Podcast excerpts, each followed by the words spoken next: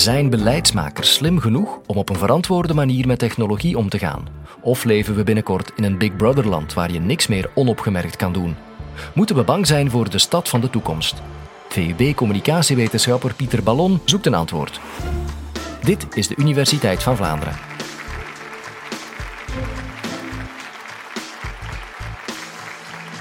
Ik moet jullie iets bekennen. Ik ben uh, communicatiewetenschapper aan de VUB. Nu, dat is nog niet de bekentenis. De bekentenis is eigenlijk dat ik nauwelijks met radio of kranten of met marketing bezig ben, maar ik ben bezig met de stad. En ik ga jullie vertellen over de toekomst van de stad en waarom dat we daar, of all people, communicatiewetenschappers voor nodig hebben. Nu, we zijn hier in Brussel. Wie van jullie woont er in de stad? Ik ga jullie verrassen. Jullie wonen allemaal in de stad. Als we kijken naar de 300 en nog wat gemeenten van Vlaanderen, dan zijn er maar een handvol gemeenten in West-Vlaanderen en in de Kempen die geen stad zijn, die geen stedelijk gebied zijn. Al de rest is de nevelstad Vlaanderen. En die verstedelijking die is niet alleen bij ons dominant, maar eigenlijk in heel de wereld zien we dat het stedelijk model dat dat heel sterk aan het groeien is, aan het toenemen is en dat dat het plattelandsmodel definitief achter zich eh, gelaten heeft. En we kunnen dus ook verwachten dat de bevolking in de steden en die verstedelijking alleen nog maar verder en wel enorm gaat toenemen, ook bij ons. Alleen Brussel al krijgt er de volgende jaren maar liefst 120.000 inwoners bij. En eigenlijk is dat heel goed nieuws. Want we weten dat een stad, naarmate dat er meer mensen in komen wonen, dat die veel efficiënter omgaat met de ruimte en met de infrastructuur. In een grotere stad heb je gemiddeld veel minder meter straat riolering, internetkabels enzovoort nodig dan in een kleinere stad. Dat is dus eigenlijk heel goed voor het milieu. Moesten we met z'n allen wonen, zoals in de binnenstad van Parijs, dan paste de hele wereldbevolking makkelijk in Frankrijk. Dus een stad is super efficiënt. En het is eigenlijk nog beter. Een stad is ook heel goed voor welvaart, is echt een aanjager van welvaart en van dynamiek. We weten bijvoorbeeld dat in een stad die dubbel zo groot is, dat het gemiddeld inkomen per persoon 15 tot 20 procent hoger ligt dan in kleinere steden. We wandelen zelfs 15 tot 20 procent sneller in een stad die dubbel zo groot is. We zijn dynamischer. Maar ook de problemen van de stad groeien meer dan gemiddeld met die steden mee. Misdaad, besmettingen, verkeersongevallen. En daar weten we in het verstedelijkte Vlaanderen weten we dat maar al te goed. Alleen al als je naar de files kijkt, we breken het ene filerecord na het andere. We zitten nu, alleen al door die files, zitten we per jaar aan iets van een 15 miljard schade. Niet alleen door de tijd die we daardoor verspillen, maar vooral ook door de gezondheidsproblemen, eh, door de kosten van verkeersongevallen, door de problemen met de luchtvervuiling eh, enzovoort. Dus we zitten eigenlijk met een bijna een duivels dilemma. Onze steden groeien, blijven maar groeien, en dat is ook goed. Maar terzelfde tijd maakt die groei, dreigt die groei onze steden eigenlijk ook helemaal onleefbaar te maken. En nu komt die informatie en communicatie van de communicatiewetenschapper om de hoek kijken. Want wat hebben we nodig als we steden willen laten blijven groeien, samenlevingen willen laten blijven groeien en toch die problemen beheersbaar maken? Dan heb je heel sterke ICT nodig. Dan moet je weten wat er overal gebeurt, moet je heel veel informatie kunnen verzamelen en moet je die ook kunnen communiceren aan degenen die dan moeten kunnen ingrijpen. En die relatie is eigenlijk al van oudsher zo. Het oude Rome waar er een dagelijkse krant eh, was, waar er een goede eh, posterijen waren. Dat kon een half miljoen tot een miljoen inwoners aan. Terwijl in de middeleeuwen, waar de informatie en de communicatie eigenlijk was gekrompen tot nog net de lokale belleman of de lokale pastoor, die konden eigenlijk met moeite enkele tienduizenden inwoners, maximum honderdduizend inwoners aan. En dus nu, zeker nu, nu we aan de drempel staan van die enorme toename van de verstedelijking, hebben we heel veel informatie en communicatie, hebben we heel veel ICT nodig. En daarmee zijn we bij de zogenaamde slimme stad aangekomen. Want die ICT, die informatie- en communicatietechnologie, waar we het nu over hebben, dat is die zogenaamde slimme ICT. Dat zijn smartphones, dat zijn slimme camera's, dat zijn slimme sensoren enzovoort enzovoort. En die kunnen zowel door de stad, door de overheid, als door privébedrijven eigenlijk uitgerold worden. De stad kan, om die massa mensen veilig te houden, bijvoorbeeld slimme camera's gaan installeren. Of om haar heel netwerk van riolen of van vuilniscontainers, om er letterlijk voor te zorgen dat die niet gaan overstromen, daar overal slimme sensoren in gaan aanbrengen. Maar ook privé-apps. Bijvoorbeeld eh, Waze is een slimme stadsapp die alle GPS-data van automobilisten gaat verzamelen en mij zo laat zien waar de files staan en hoe ik die kan vermijden. We kunnen bijna letterlijk overal informatie gaan uithalen. In Londen heeft men zelfs een aantal duiven een rugzak met zo'n uh, zo'n coole rugzak met een sensor ingegeven, uh, waar een Twitter-account aan verbonden is. En daar heeft men dus nu duiven die 24 uur op 24 twitteren over de luchtkwaliteit en de luchtvervuiling boven uh, de stad. En dus zo wordt onze omgeving steeds slimmer, krijgen we steeds meer uh, informatie. En dat gaat in een viertal fasen, in een viertal stadia. Het eerste stadium is dat van de monitoring. Die slimme objecten rondom ons die gaan heel veel data verzamelen, zoals die duiven bijvoorbeeld. De tweede fase is de fase van controle. We gaan kunnen ingrijpen, we gaan een actie ondernemen op basis van die data. We gaan bijvoorbeeld het verkeer gaan omleiden. De derde fase is die van de optimisatie. We gaan modellen maken, we gaan voorspellingen doen en misschien gaan voorspellen waar de files morgen of binnen een maand gaan staan en nu al maatregelen eh, nemen. En de laatste fase is die van de autonomie. Die slimme objecten worden zodanig slim dat ze eigenlijk zelf die beslissingen kunnen nemen, zelf hun gedrag kunnen gaan aanpassen. En dan zitten we in de sfeer van de zelfrijdende auto's enzovoort. En dus als we onze groeiende steden willen leefbaar houden, willen beheersbaar houden, dan moeten die slimme technologieën, die slimme ICT, dan moet die er komen, dan zal die er ook eh, komen. En we zien nu al zien we de enorme impact in een aantal steden waar men daar heel sterk mee bezig eh, is. Bijvoorbeeld in Barcelona heeft men een doorgedreven um, data-analyse gedaan van al het verkeer in die stad. En men is erop uitgekomen dat nauwelijks een derde van alle verplaatsingen in Barcelona met de auto maar uh, gebeuren. Als gevolg daarvan gaat men, heeft men nu het plan om de komende jaren maar liefst twee derde van die stad autovrij of autoluw uh, te maken. En er dan met slimme verkeersgeleiding ervoor te zorgen dat in de rest van de straten er niet constant file staan.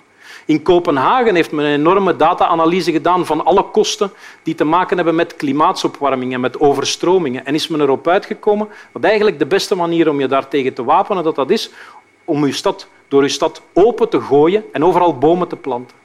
Kopenhagen krijgt er de komende acht jaar 100.000 nieuwe bomen bij. En alle inwoners hebben mogen meestemmen via internet waar die bomen mochten komen. En een keer dat die 100.000 bomen er staan, dan kan je ook op een heel efficiënte, makkelijke manier die gezondheid ervan in de gaten houden, bijvoorbeeld door een kleine sensor op elke boom aan te brengen. Fantastisch. Dat zijn, dat zijn echte doorbraken, dat zijn echte manieren waarop we die groeiende steden toch een heel pak leefbaarder en beheersbaarder kunnen gaan houden. Maar, er is opnieuw een maar. Als we kijken naar dit uh, filmpje. Het filmpje is een slim stadssysteem, zoals dat nu in China bijvoorbeeld uh, uitgerold is, waar men in real time elke automobilist, elke bromfietser, elke wandelaar in de gaten gaat houden.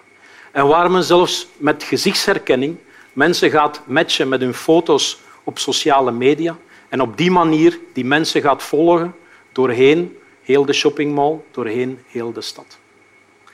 En ineens wordt die slimme stad en al dat verzamelen van al die informatie toch een stukje minder aantrekkelijk. Wordt het zelfs akelig, wordt het zelfs angstaanjagend. Maar wat is het nu?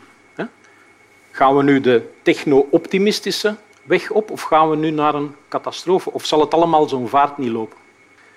Wel, gelukkig zijn er de communicatiewetenschappers die toch al iets daarover kunnen zeggen. Bijvoorbeeld, die kunnen ons helpen laten begrijpen dat wat we nu eigenlijk meemaken, dat dat niet meer of niet minder is dan een verschuiving van wat men noemt het dominante informatie medium of dominante informatiemedia.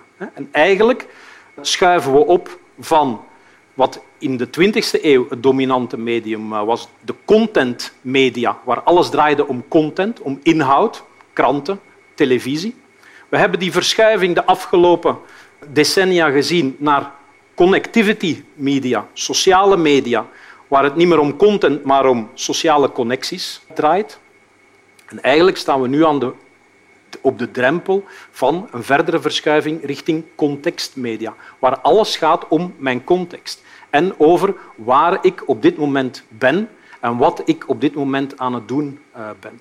En zo kunnen we begrijpen dat eigenlijk dat waar we voor staan, dat dat helemaal niet iets in de marge zal zijn. Maar dat net zo fundamenteel als Facebook of Instagram de afgelopen tien jaar ons sociaal leven op zijn kop eh, heeft gezet, dat ook dit nieuwe medium of deze nieuwe media ons hele leven heel diepgaand gaat eh, veranderen, maar dan onze publieke ruimte en onze publieke interacties. Die communicatiewetenschappen die kunnen ons eigenlijk nog meer gaan vertellen. Die kunnen ons ook een aantal van de grote gevaren, van de grote problemen met die uh, slimme stad eigenlijk nu al duiden.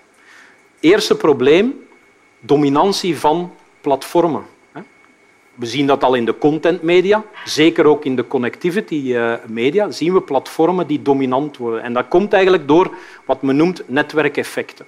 Naarmate een platform meer mensen aan zich kan binden, meer data kan verzamelen, wordt het exponentieel veel waardevoller en dus ook veel krachtiger.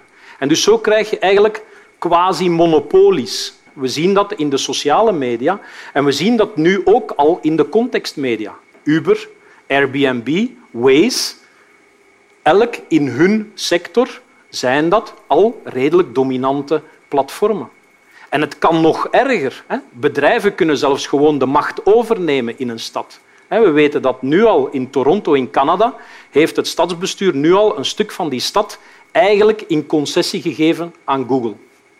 En we weten dat nu al Bill Gates een hele lap grond eh, gekocht heeft in de Verenigde Staten om daar gewoon zijn eigen stad op te bouwen. Een Microsoft-stad. Dat kunnen we verwachten in die wereld van de context en media. En als we ons daar dus willen tegen wapenen, dan zullen we bijvoorbeeld, dan zullen onze overheden bijvoorbeeld er als de bliksem moeten bij zijn om zelf een goede digitale dienstverlening te ontwikkelen. En om misschien in partnership te gaan met een aantal bedrijven, maar wel ervoor te zorgen dat zij zelf in controle blijven. Een tweede probleem dat die eh, wetenschap ons eh, gaat eh, signaleren, is natuurlijk dat van de privacy. Niet alleen de overheid, die Big Brother, zoals we dat uh, daarnet zagen op dat filmpje van, van China, maar ook bedrijven kunnen heel veel van die data, van die informatie eigenlijk tegen ons gaan uh, gebruiken. We weten bijvoorbeeld als je Uber gebruikt, dat Uber op basis van waar jij op dat moment bent, wat die applicatie kan zien, en als het daar begint te regenen, dat zij de prijs van jouw rit maal twee of maal drie kunnen doen van jouw verplaatsing. Maar wist je dat Uber bijvoorbeeld al experimenten gedaan heeft om te zien hoeveel meer ze jou kunnen laten betalen als je bijvoorbeeld nog maar 10% batterij hebt in je smartphone. Dus er ligt een hele wereld van mogelijk misbruik open. En alles zal er natuurlijk van afhangen van hoeveel van onze privacy wij afgeven aan die uh, platformen. En daar is toont de communicatiewetenschappen dat we eigenlijk niet al te optimistisch mogen zijn. En dat mensen eigenlijk een hele korte termijn afweging maken als ze hun privacy moeten geven. Ze krijgen er iets voor terug. Ze dan eigenlijk niet aan de lange termijn gevolgen denken. We weten allemaal dat we eigenlijk heel veel van ons persoonlijk leven delen op eh, Facebook, gewoon maar om een like in de plaats te krijgen. Wat zal het dan niet zijn als je echt nuttige dingen zoals file-informatie of informatie over je veiligheid uh, ervoor terugkrijgt. Uit ons eigen onderzoek blijkt dat maar liefst twee derde van de Vlamingen, als ze voldoende informatie terugkrijgen, bereid zijn om zich de hele tijd te laten volgen, hun locatie eigenlijk door te geven. Ja. Daaruit kunnen we afleiden dat we dus als we opnieuw, als we ons hiertegen willen uh, wapenen, dat we dus niet alleen de mensen meer moeten bewust uh, maken, maar dat we waarschijnlijk ook sterke regulering, sterke wetgeving zullen moeten uh, hebben om die privacy eigenlijk te garanderen. Een derde aspect waar communicatiewetenschappers zich mee bezighouden is dat van de filterbubble. Dat is opnieuw, zoals dat je dat nu al op sociale media uh, ziet, mensen die alleen nog maar de informatie krijgen die van hun vrienden of uh, familie of door de software van het platform aan hen getoond wordt. En daardoor een beetje vervreemd geraken van de rest van de wereld. En dan krijg je dingen als Brexit, Donald Trump. Dat soort van uh, zaken die zijn daaraan, zijn daaraan, worden daaraan gelinkt. Wel, in de slimme stad, ook daar kan een Wat we niet willen, is dat omdat jij één keer in de McDonald's gaan eten bent, dat je dan vervolgens geen enkele informatie meer krijgt over het cultuuraanbod in de stad bijvoorbeeld. Omdat de software denkt dat je daar toch niet in geïnteresseerd eh, bent. Dan zijn we terug bij een stad waar dat iedereen in kleine groepjes wordt opgedeeld. Dan zijn we terug bij de lokale Bellemont eh, eigenlijk. En tenslotte een vierde aspect dat die communicatiewetenschappen ons tonen, is dat als die ICT als dat gecombineerd wordt met een groepsdynamiek, ehm, dat dat heel krachtige effecten kan eh, hebben, zowel negatief als uh, positief. We weten bijvoorbeeld in, in België gaan er nog altijd 68 procent van de mensen met de auto naar hun werk en maar ongeveer 9 procent met de fiets. En applicaties zoals Waze bijvoorbeeld, die gaan dat alleen nog maar versterken. Tot de laatste sluipweg ook nog eh, vol staat met auto's. Terwijl dat bijvoorbeeld in een stad als Amsterdam of in een stad als Kopenhagen dat volledig omgekeerd is. Daar is de auto al lang verdrongen door openbaar vervoer en door de fiets. Waarom zouden wij dat niet kunnen doen? Waarom zouden wij dat niet kunnen creëren? Bijvoorbeeld door een Waze te maken die jou alle alternatieven voor de auto op een hele goede en hele makkelijke manier eigenlijk bij jou brengt. Dus voilà, dat zijn op dit moment misschien allemaal nog een beetje science fiction eh, zaken, of die doen een beetje science fiction aan, maar eigenlijk kunnen we, dankzij onze communicatiewetenschappers en anderen, daar toch al heel wat over zeggen. En kunnen we ons eigenlijk al beginnen wapenen tegen die mogelijke problemen die zich kunnen voordoen. Dus moeten we bang zijn voor de stad van de toekomst? Moeten we bang zijn voor die slimme stad? Wel, we moeten alleszins niet de hakken in het zand zetten. We moeten eindelijk durven ons de problemen in onze steden aanpakken en eigenlijk onze steden helemaal gaan heruitvinden, want dat laat die technologie ook toe. Maar we moeten misschien wel ook eens gaan kijken naar die menselijke aspecten van informatie en communicatie, om ervoor te zorgen dat, dat, dat het geen nachtmerriescenario wordt, maar dat we een echte, slimme menselijke stad krijgen. De Universiteit van Vlaanderen colleges zijn mogelijk dankzij de steun van Radio 1, KNAK, de vijf Vlaamse universiteiten en de Jonge Academie.